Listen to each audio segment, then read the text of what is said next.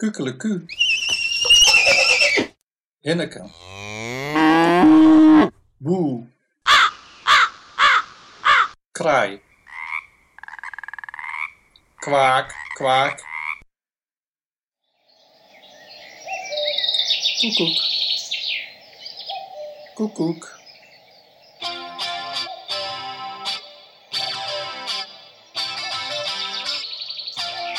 Dit is Drang naar Samenhang, een podcast over de psychologie van het begrijpen. Mijn naam is Rolf Zwaan, auteur van het boek Drang naar Samenhang. En ik ben Anita Eerland. In deze podcast gaan we in gesprek over thema's uit het boek. Je hoeft het boek niet te lezen om ons te kunnen volgen. Maar dat is wel zo leuk natuurlijk.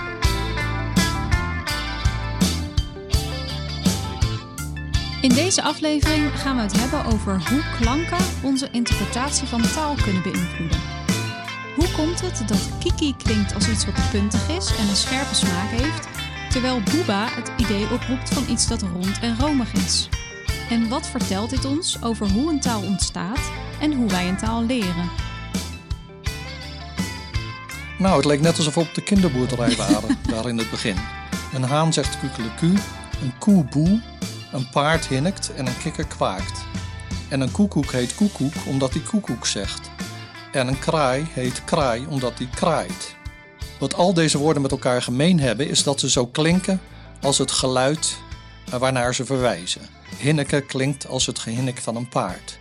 En dit zijn vrij bijzondere woorden. Ze worden onomatopeeën genoemd. En onomatopeeën komen dus niet heel veel voor in de taal, maar ze komen vooral voor daar waar verwezen wordt naar geluiden of naar dingen of dieren die geluiden maken, zoals vogels bijvoorbeeld. Ja, bij, bij vogels heb je naast de koekoek natuurlijk de, de oehoe en uh, de chifchaf. Maar um, je ziet het ook inderdaad veel bij uh, muziekinstrumenten bijvoorbeeld. Dus de pauk en de bongo en de conga zijn ook... En de kazoo? Uh, die ken ik niet. um, en wat ik zelf wel grappig vond toen ik uh, over uh, onomatopeeën ging lezen... was dat ook bijvoorbeeld het woord klittenband... En dat maakt natuurlijk uh -huh. ook een bepaald geluid hè, als je dat van elkaar aftrekt. Ja. Um, en klittenband wordt dus in het Grieks uh, krats krats genoemd. en dat, dat lijkt inderdaad wel een ja. beetje op dat geluid dat het maakt. En het, uh, het woord voor klittenband in het Turks is uh, ook zoiets, maar ik zal me niet aan de uitspraak wagen. Um, en het grappige van onomatopee is eigenlijk dat het um, ook een beetje lijkt op hoe we kinderen woorden leren. Dus we hebben gewoon een woord voor auto en de auto maakt niet het geluid auto. Maar als we aan kinderen dat woord leren, dan hebben we het uh, vaak over de toetoet in plaats van uh, de auto. Ja, ook al toetert hij niet zo vaak, maar toch, inderdaad. Ja, dus aan het begin uh, van de aflevering hadden we allemaal dierengeluiden. En het grappige is dat waar de Nederlandse haan kukeleku zegt, zegt de Franse haan bijvoorbeeld cocorico. Mm, en waar de Nederlandse Frans. koe boe zegt, zegt de Franse koe, nee, de Amerikaanse koe, moe. Dus dat zijn best wel verschillen. En ik weet ook nog van vroeger dat ik mijn kinderen verhaaltjes vertelde in het Nederlands. We woonden in Amerika. En uh, dan zei ik uh, altijd van... Uh, en de kikkers in het water deden kwaak, kwaak, kwaak. En dan riepen zij stevast in koor... Nee, ribbit, ribbit. Want Amerikaanse kikkers zeggen niet kwaak, die zeggen ribbit. En dat vind ik, voor, dat vind ik dus heel raar klinken. Als een, dat een kikker ribbit zou zeggen. Ja, maar toch als je, als je dat hoort, en ik heb voor, om die uh, intro te kunnen maken heel wat kikkergeluiden beluisterd, dan zitten er heel veel geluiden tussen en die klinken echt als ribbit, ribbit en niet als kwaak.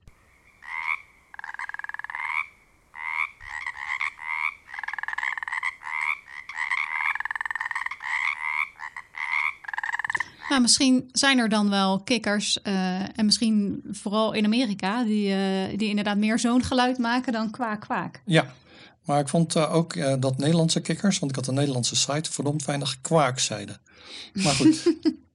uh, maar dit terzijde. Ja, nou, het is wel grappig dat je dit voorbeeld van die dierengeluiden aanhaalt om te laten zien dat we dus denken dat een beest hetzelfde geluid maakt in verschillende mm -hmm. landen, maar dat we dat toch anders vertalen naar een, een woord Afhankelijk van de klanken die we hebben in onze eigen taal. Ja, die klanken vormen als het ware een soort filter. En het is ook een beetje je, ja, wat je hebt om te gebruiken. Het is je gebruiksvoorwerp om dat geluid te imiteren. Ja, precies. En dat verschil tussen talen zie je eigenlijk ook heel goed als je bijvoorbeeld naar stripverhalen kijkt. Ehm, daarin wordt, eh, als, je, als stripverhalen vertaald worden, dan wordt de tekst altijd nou ja, netjes vertaald, net zoals met een boek. Maar in stripverhalen staan ook vaak ehm, geluiden afgebeeld of eh, opgeschreven. Ja, dus als iemand de deur dicht doet of... eh, ja, precies.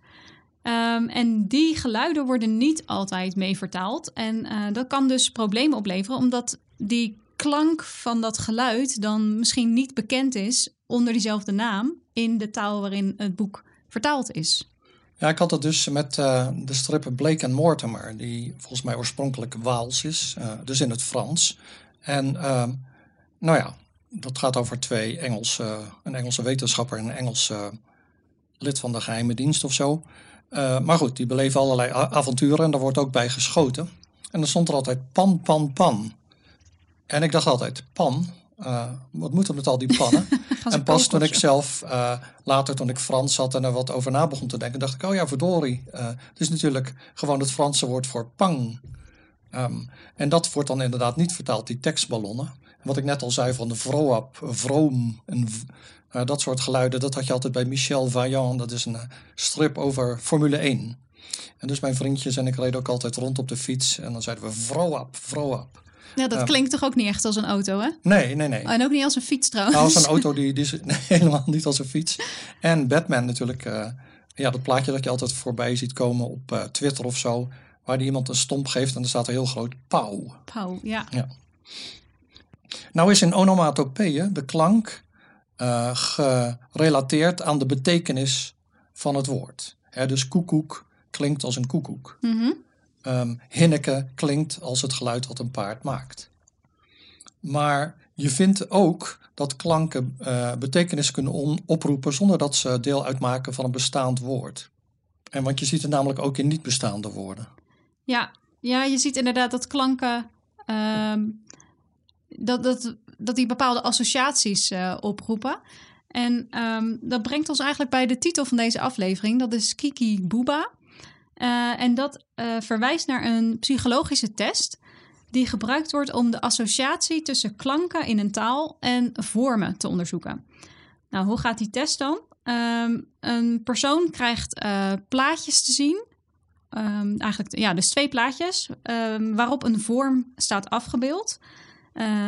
En ik zal ze beschrijven, maar we zullen ook een link naar die plaatjes in de show notes zetten, zodat jullie ze ook zelf kunnen zien. Dat is denk ik wel zo Ja. leuk. Ehm, maar goed, dat ene plaatje, op dat ene plaatje staat een vorm die nogal puntig is. Dus dat is een soort ster met eh, langere en kortere uitsteeksels. En die andere vorm ja, is eigenlijk een soort klodder. Ehm, ook met uitsteeksels, hè, alsof je eh, iets, iets laat vallen, iets vloeibaars laat vallen op de grond. En dan zijn die uitsteeksels meer eh, rond. Ja, het lijkt een beetje op een Barba Papa, vind ik eigenlijk, die boeba. Ja, verschillende barbapapa's zo eh, bij elkaar. Daar lijkt het inderdaad wel op. Maar in- dus in ieder geval is het een, een ronde, glooiende vorm. Ehm, Oké, nou een persoon kijkt daarnaar en die krijgt vervolgens twee namen te horen. En die moet dan een naam toewijzen aan een bepaalde vorm.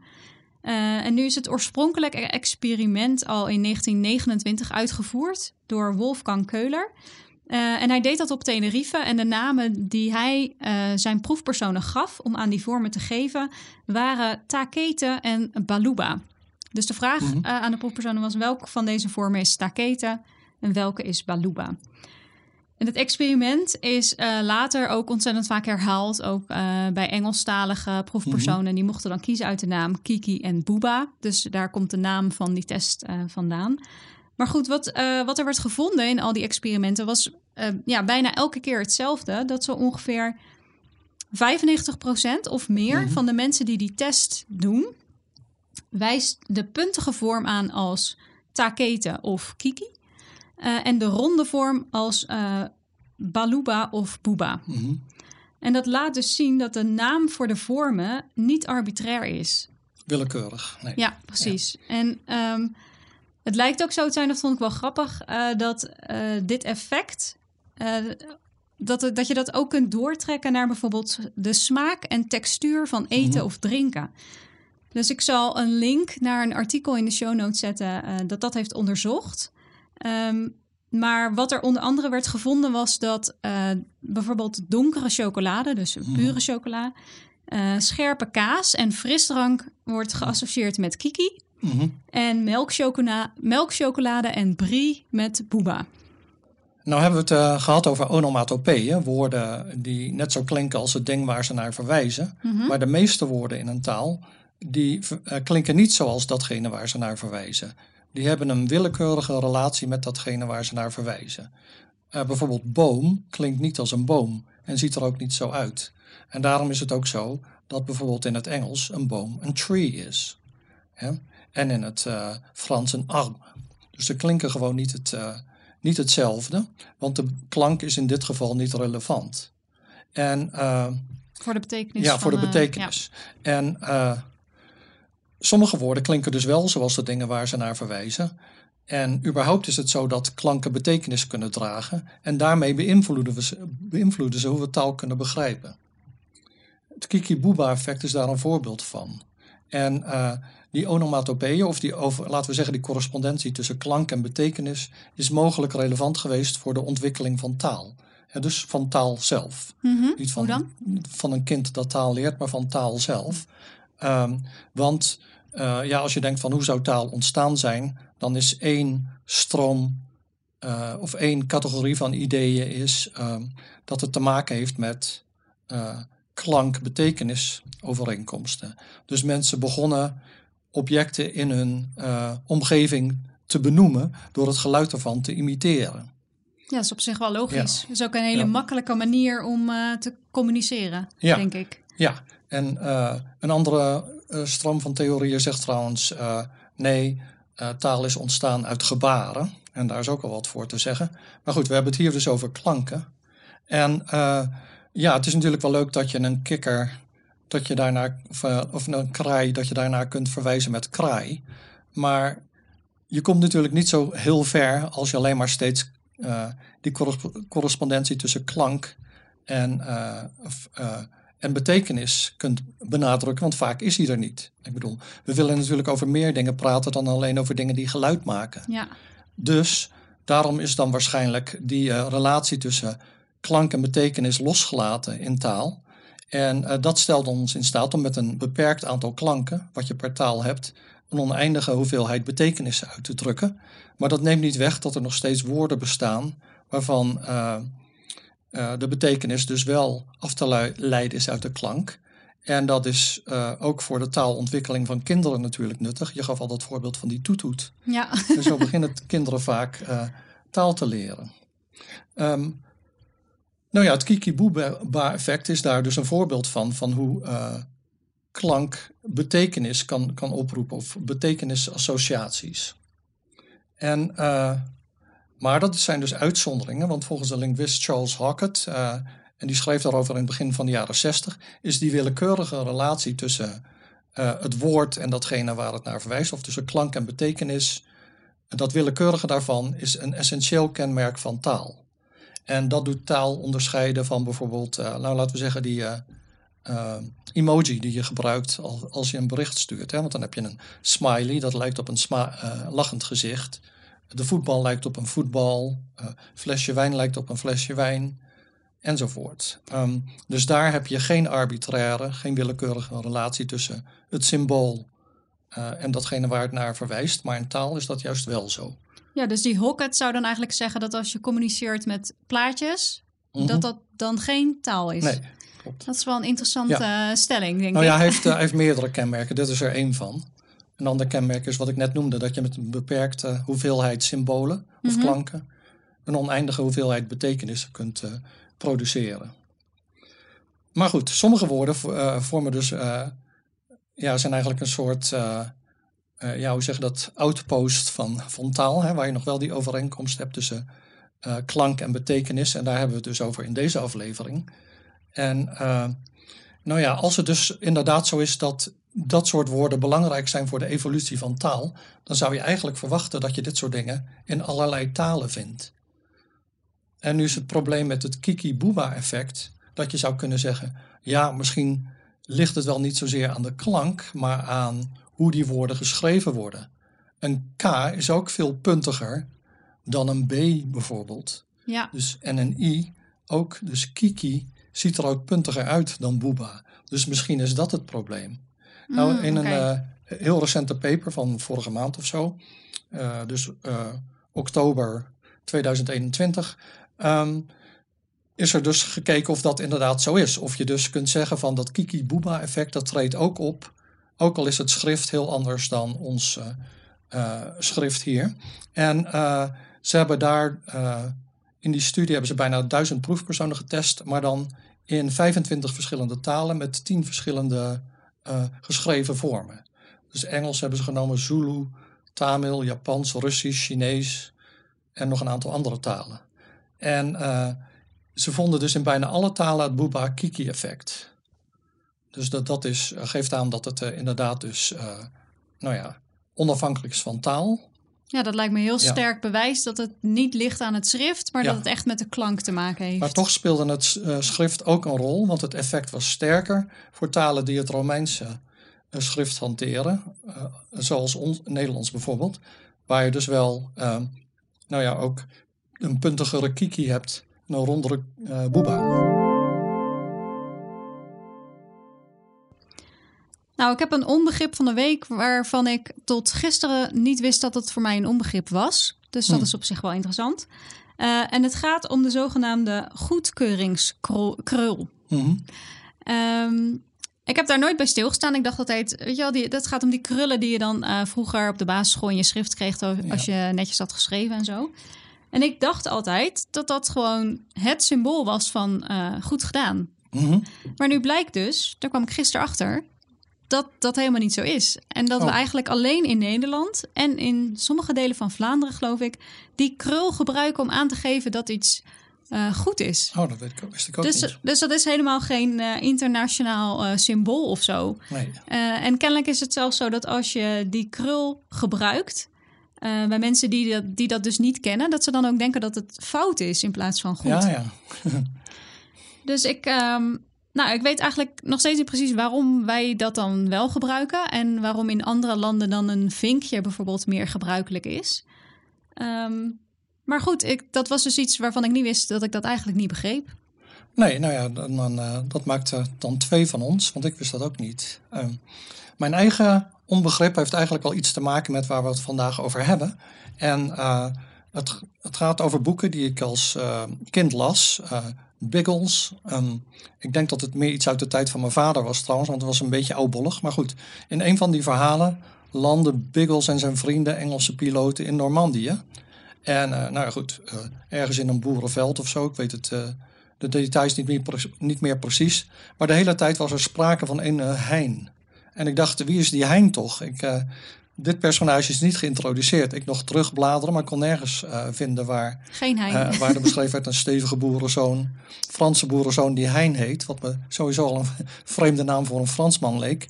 Maar goed, dus ook weer heel veel later begreep ik pas hoe het zat. Het was het Franse woord ah, dat zoiets als hè betekent. Dus elke keer stond er gewoon ah, dat hadden ze dan niet vertaald. Maar ja, het lijkt op een Nederlandse naam, dus eh, daar was ik dan door in de war. En dat soort dingen heb je natuurlijk wel vaker. Ik moet nu ineens denken aan mijn eindexamen Duits, een mondeling. Dan moest ik iets voorlezen en je kreeg dan eerst de tekst te zien, geloof ik, voordat je aan de beurt was. Dus dan was de leerling voor jou aan de beurt en er stond Her sound so, zo las ik dat. Dat. S-O-U-N-D-S-O. Sound en dan so erachter. Maar het was Ah. Duits. En net voordat ik naar binnen ging, dacht ik ineens, oh verdorie, het is natuurlijk zo en zo. Ah, Dus gelukkig had ik geen catastrofale fout gemaakt. Maar dat is ook weer hetzelfde idee dat, eh, dat dan een taal die je ook kent, een eh, patroon drukt op eh, wat je aan het lezen bent. En daardoor raak je dan in de war.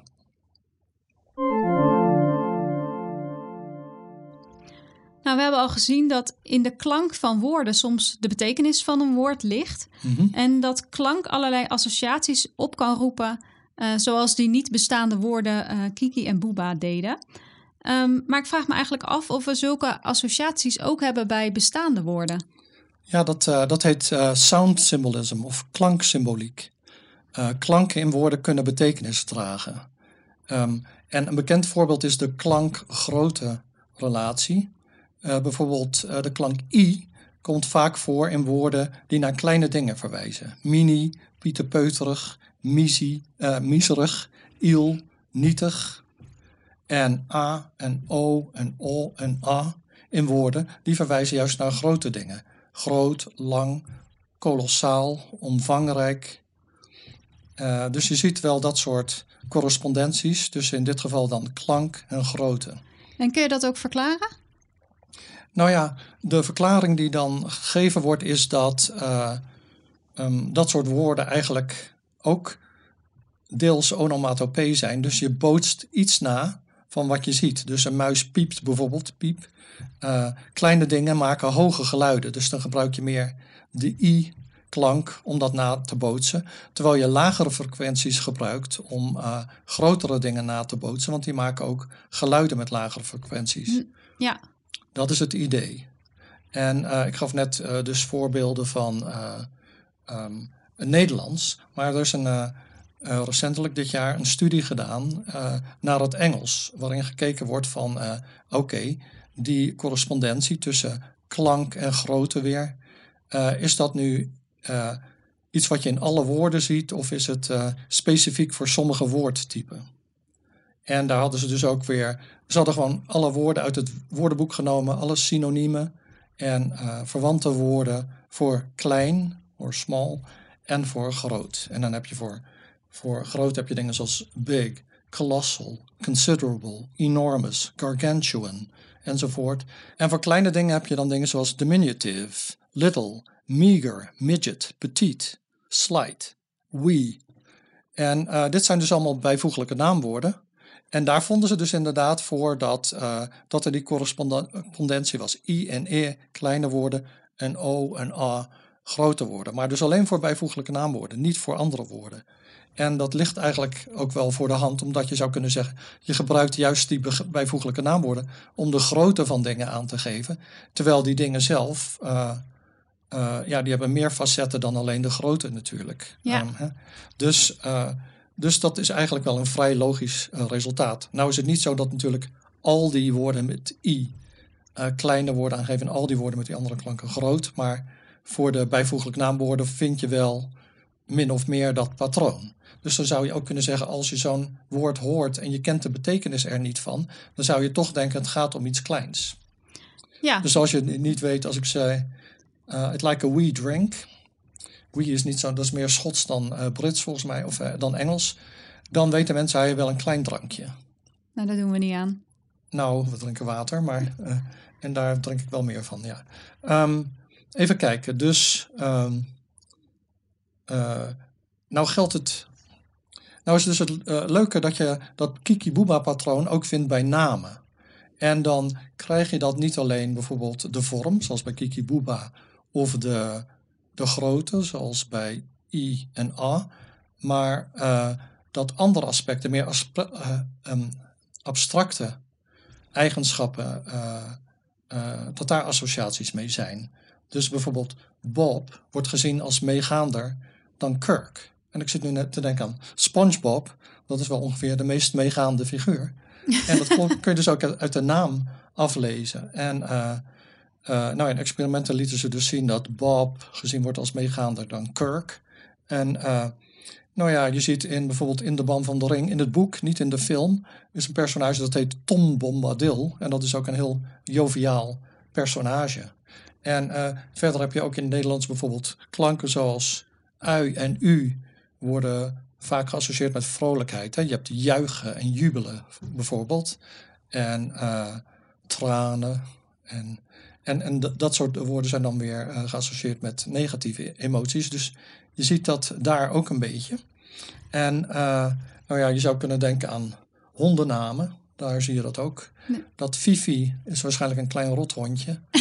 Lubas is zo'n dikke, ja. slome hond. Ja, ja, dat is toch grappig hoe dat werkt, hè? Maar mm -hmm. ook wel uh, goed, denk ik, om te weten dat het dus bij namen, ook van personen, wel een rol kan spelen. Ja, ja dat, dat klopt. Dus, dat de klank van de naam uh, ook al ervoor zorgt dat jij bepaalde associaties hebt. En niet alleen omdat je al iemand kent die ook zo heet, toevallig. Nee, dat klopt. dat er dus ja. meer, meer achter zit. Ja, ik vind het wel grappig. En dit, dit doet me eigenlijk ook denken aan een ander verschijnsel, namelijk synesthesie. Nou, dat is een verschijnsel waarbij uh, als één zintuig geprikkeld wordt, dat leidt tot ervaringen van, van een ander zintuig. En waarom zie je dat zo? Um, nou, als je kijkt naar waar het woord synesthesie vandaan komt, dan komt dat van zin en aesthesis. en zin is samen en aesthesis is gevoel. Um, of indrukken. Uh, dus je zou kunnen zeggen dat het gaat om gevoelens of indrukken die samenhangen. Dat, dat zie je ook dus terug in wat ik net zei over die zintuigelijke mm-hmm. ervaringen. Nou, bij klanksymboliek, waar jij het eerder over had, heb je dus klanken en indrukken van bijvoorbeeld de vorm of de grootte van een object ja. die samenhangen. Um, maar er zijn dus ook andere vormen van synesthesie. En uh, de meest voorkomende vorm hiervan, dat is ja, denk ik de meest bekende ook, is als mensen um, kleuren zien of ja, kleuren linken aan uh, letters en cijfers bijvoorbeeld. Mm -hmm. En is het dan zo dat, dat uh, mensen altijd dezelfde kleur aan hetzelfde cijfer linken? Dus 4 is altijd blauw of zoiets? Um, nou, wel binnen mensen, maar mm -hmm. niet tussen mensen. Nee, dat dus, bedoel ik niet tussen nee, mensen dus. Nee. Oké. Nou ja, voor zover ik weet niet. Volgens mij is uh, welke kleur je ziet bij een bepaalde letter of bij een bepaald cijfer, uh, is dat best wel persoonlijk. Ja. Maar dat is wel uh, consistent over de tijd heen. Dus mm -hmm. de S is bijvoorbeeld altijd groen, ja. zeg maar wat. Um, en deze vorm van synesthesie wordt ook wel projectieve synesthesie genoemd. En toen mm -hmm. ik mhm. hierover las, dacht ik, nou ja, dat, dat heb ik dus eigenlijk niet. um, Wat ik wel een beetje had, was uh, op de middelbare school, als ik uh, mijn vakken in een multimap moest ordenen, dan had ik wel heel sterk het gevoel dat ik een bepaalde kleuren tabbladen bij bepaalde vakken moest hebben. Dus ik moest wel rood voor geschiedenis gebruiken bijvoorbeeld en geel voor aardrijkskunde. Maar het was ja, niet zo dat ik die woorden zelf in een bepaalde kleur zag. Mm -hmm. En toen dacht ik, ja, dat is vast een hele zwakke vorm daarvan of zo. Of het heeft er uh, vaag iets mee te maken. Maar nou blijkt dat dit um, ook wel um, associatieve um, synesthesie wordt genoemd. Dus het is gewoon een bestaande vorm ja. van uh, synesthesie. Nou, even kijken wat we. We hebben het gehad over het zien van kleuren. Het is ook soms zo dat mensen uh, bijvoorbeeld dagen van de week niet in kleuren zien, maar uh, wel in een bepaalde ruimte om hen heen. Hè? Dus dat je bijvoorbeeld woensdag uh, uh, links boven, boven je ziet en zaterdag rechts achter je of zo. Maar dat, en dat hmm. die woorden altijd meteen die um, ruimtelijke plaats ja. oproepen. Nu is het zo dat we eigenlijk niet zo goed weten waar dat nou vandaan komt of hoe we dat kunnen verklaren. Vroeger werd er gedacht dat het um, werd veroorzaakt door een overactief uh, inbeeldingsvermogen bijvoorbeeld. Uh, mm -hmm. Of dat het een verschijnsel zou zijn van, zou zijn van bepaalde psychische ziektes. Mm -hmm. um, nou ja, dat, die ideeën zijn wel een beetje losgelaten. Um, tegenwoordig wordt synesthesie gezien als een verschijnsel met een neurologische basis. Mm -hmm. En mhm. het is natuurlijk heel interessant voor onderzoekers om te kijken wat hier nu eigenlijk gebeurt, omdat we ja, daarmee iets kunnen leren over hoe perceptie werkt in ons brein. Uh, eh, hoe, hoe dat soort processen mm-hmm. zijn uh, georganiseerd, of die afzonderlijk zijn of op een bepaalde manier met elkaar samenwerken of elkaar beïnvloeden. En we weten eigenlijk ook vrij weinig over uh, hoe zich dit ontwikkelt. Ja. Dus het, het lijkt te ontstaan wanneer kinderen voor het eerst met abstracte concepten te maken hebben. dus dan zou het koppelen van bijvoorbeeld een kleur of een locatie aan een abstract woord mm-hmm. een manier zijn om het meer concreet te maken. Een soort strategie meer. Ja, ja. eigenlijk wel. Um, en ja, dat zou natuurlijk uh, kunnen. Er zou ook een link kunnen zijn met het uh, toekennen van uh, betekenis aan datgene wat de ervaring veroorzaakt. Um, en dan zou synesthesie dus een semantisch verschijnsel kunnen zijn, te maken ja. hebben met de betekenis. Um, maar wat ik ook een heel interessant idee vond, was um, dat, dat we eigenlijk allemaal geboren zouden zijn met synesthesie. Dus op het moment dat we geboren zijn, mm-hmm. hebben we niet vijf aparte zintuigen, maar loopt het allemaal heel erg door elkaar heen.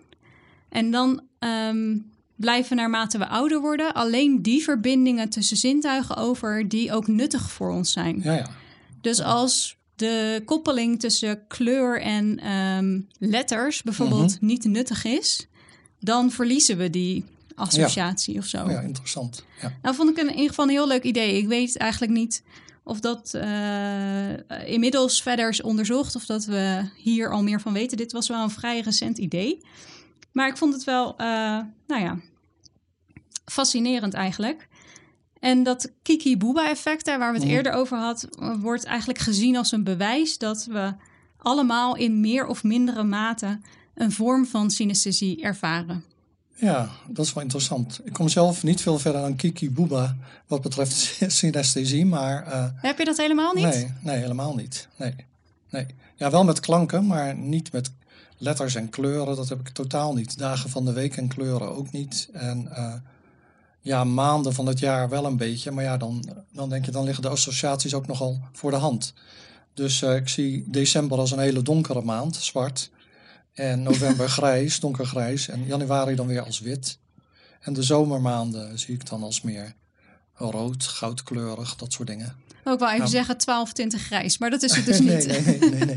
Nee, inderdaad. Nee, nee, nee. Ik ben meer een zomerman misschien. En, en winter als er sneeuw ligt. Maar de rest interesseert me dan niet zo. Ja, dan zal ik even samenvatten waar we het over gehad hebben. We hebben het gehad over klanken en betekenis. En o- onomatopeeën zijn een bijzonder soort woorden waarin eh, dus de betekenis van het woord overeenstemt met de klank van het woord. En dat is bij de meeste woorden niet het geval. Ehm, nou is het niet alleen zo dat hele woorden associaties kunnen hebben met, eh, eh, of hele, eh, ja, bestaande woorden, de klanken daarvan associaties kunnen hebben met de betekenis, maar ook klanken binnen woorden. En dat noemen we klanksymboliek. Zo kunnen bepaalde klanken binnen woorden eh, klein oproepen en andere klanken kunnen groot oproepen, klanken kunnen rond oproepen of puntig. Die, het gebruik van onomatopeeën en klanksymboliek kan gezien worden als een bijzondere vorm van synesthesie, waar dus verschillende zintuigelijke gewaarwordingen samenkomen. Zoals je bijvoorbeeld dan eh, de letter A als groen ziet of zo. Nou, dat is eigenlijk het hele verhaal van vandaag.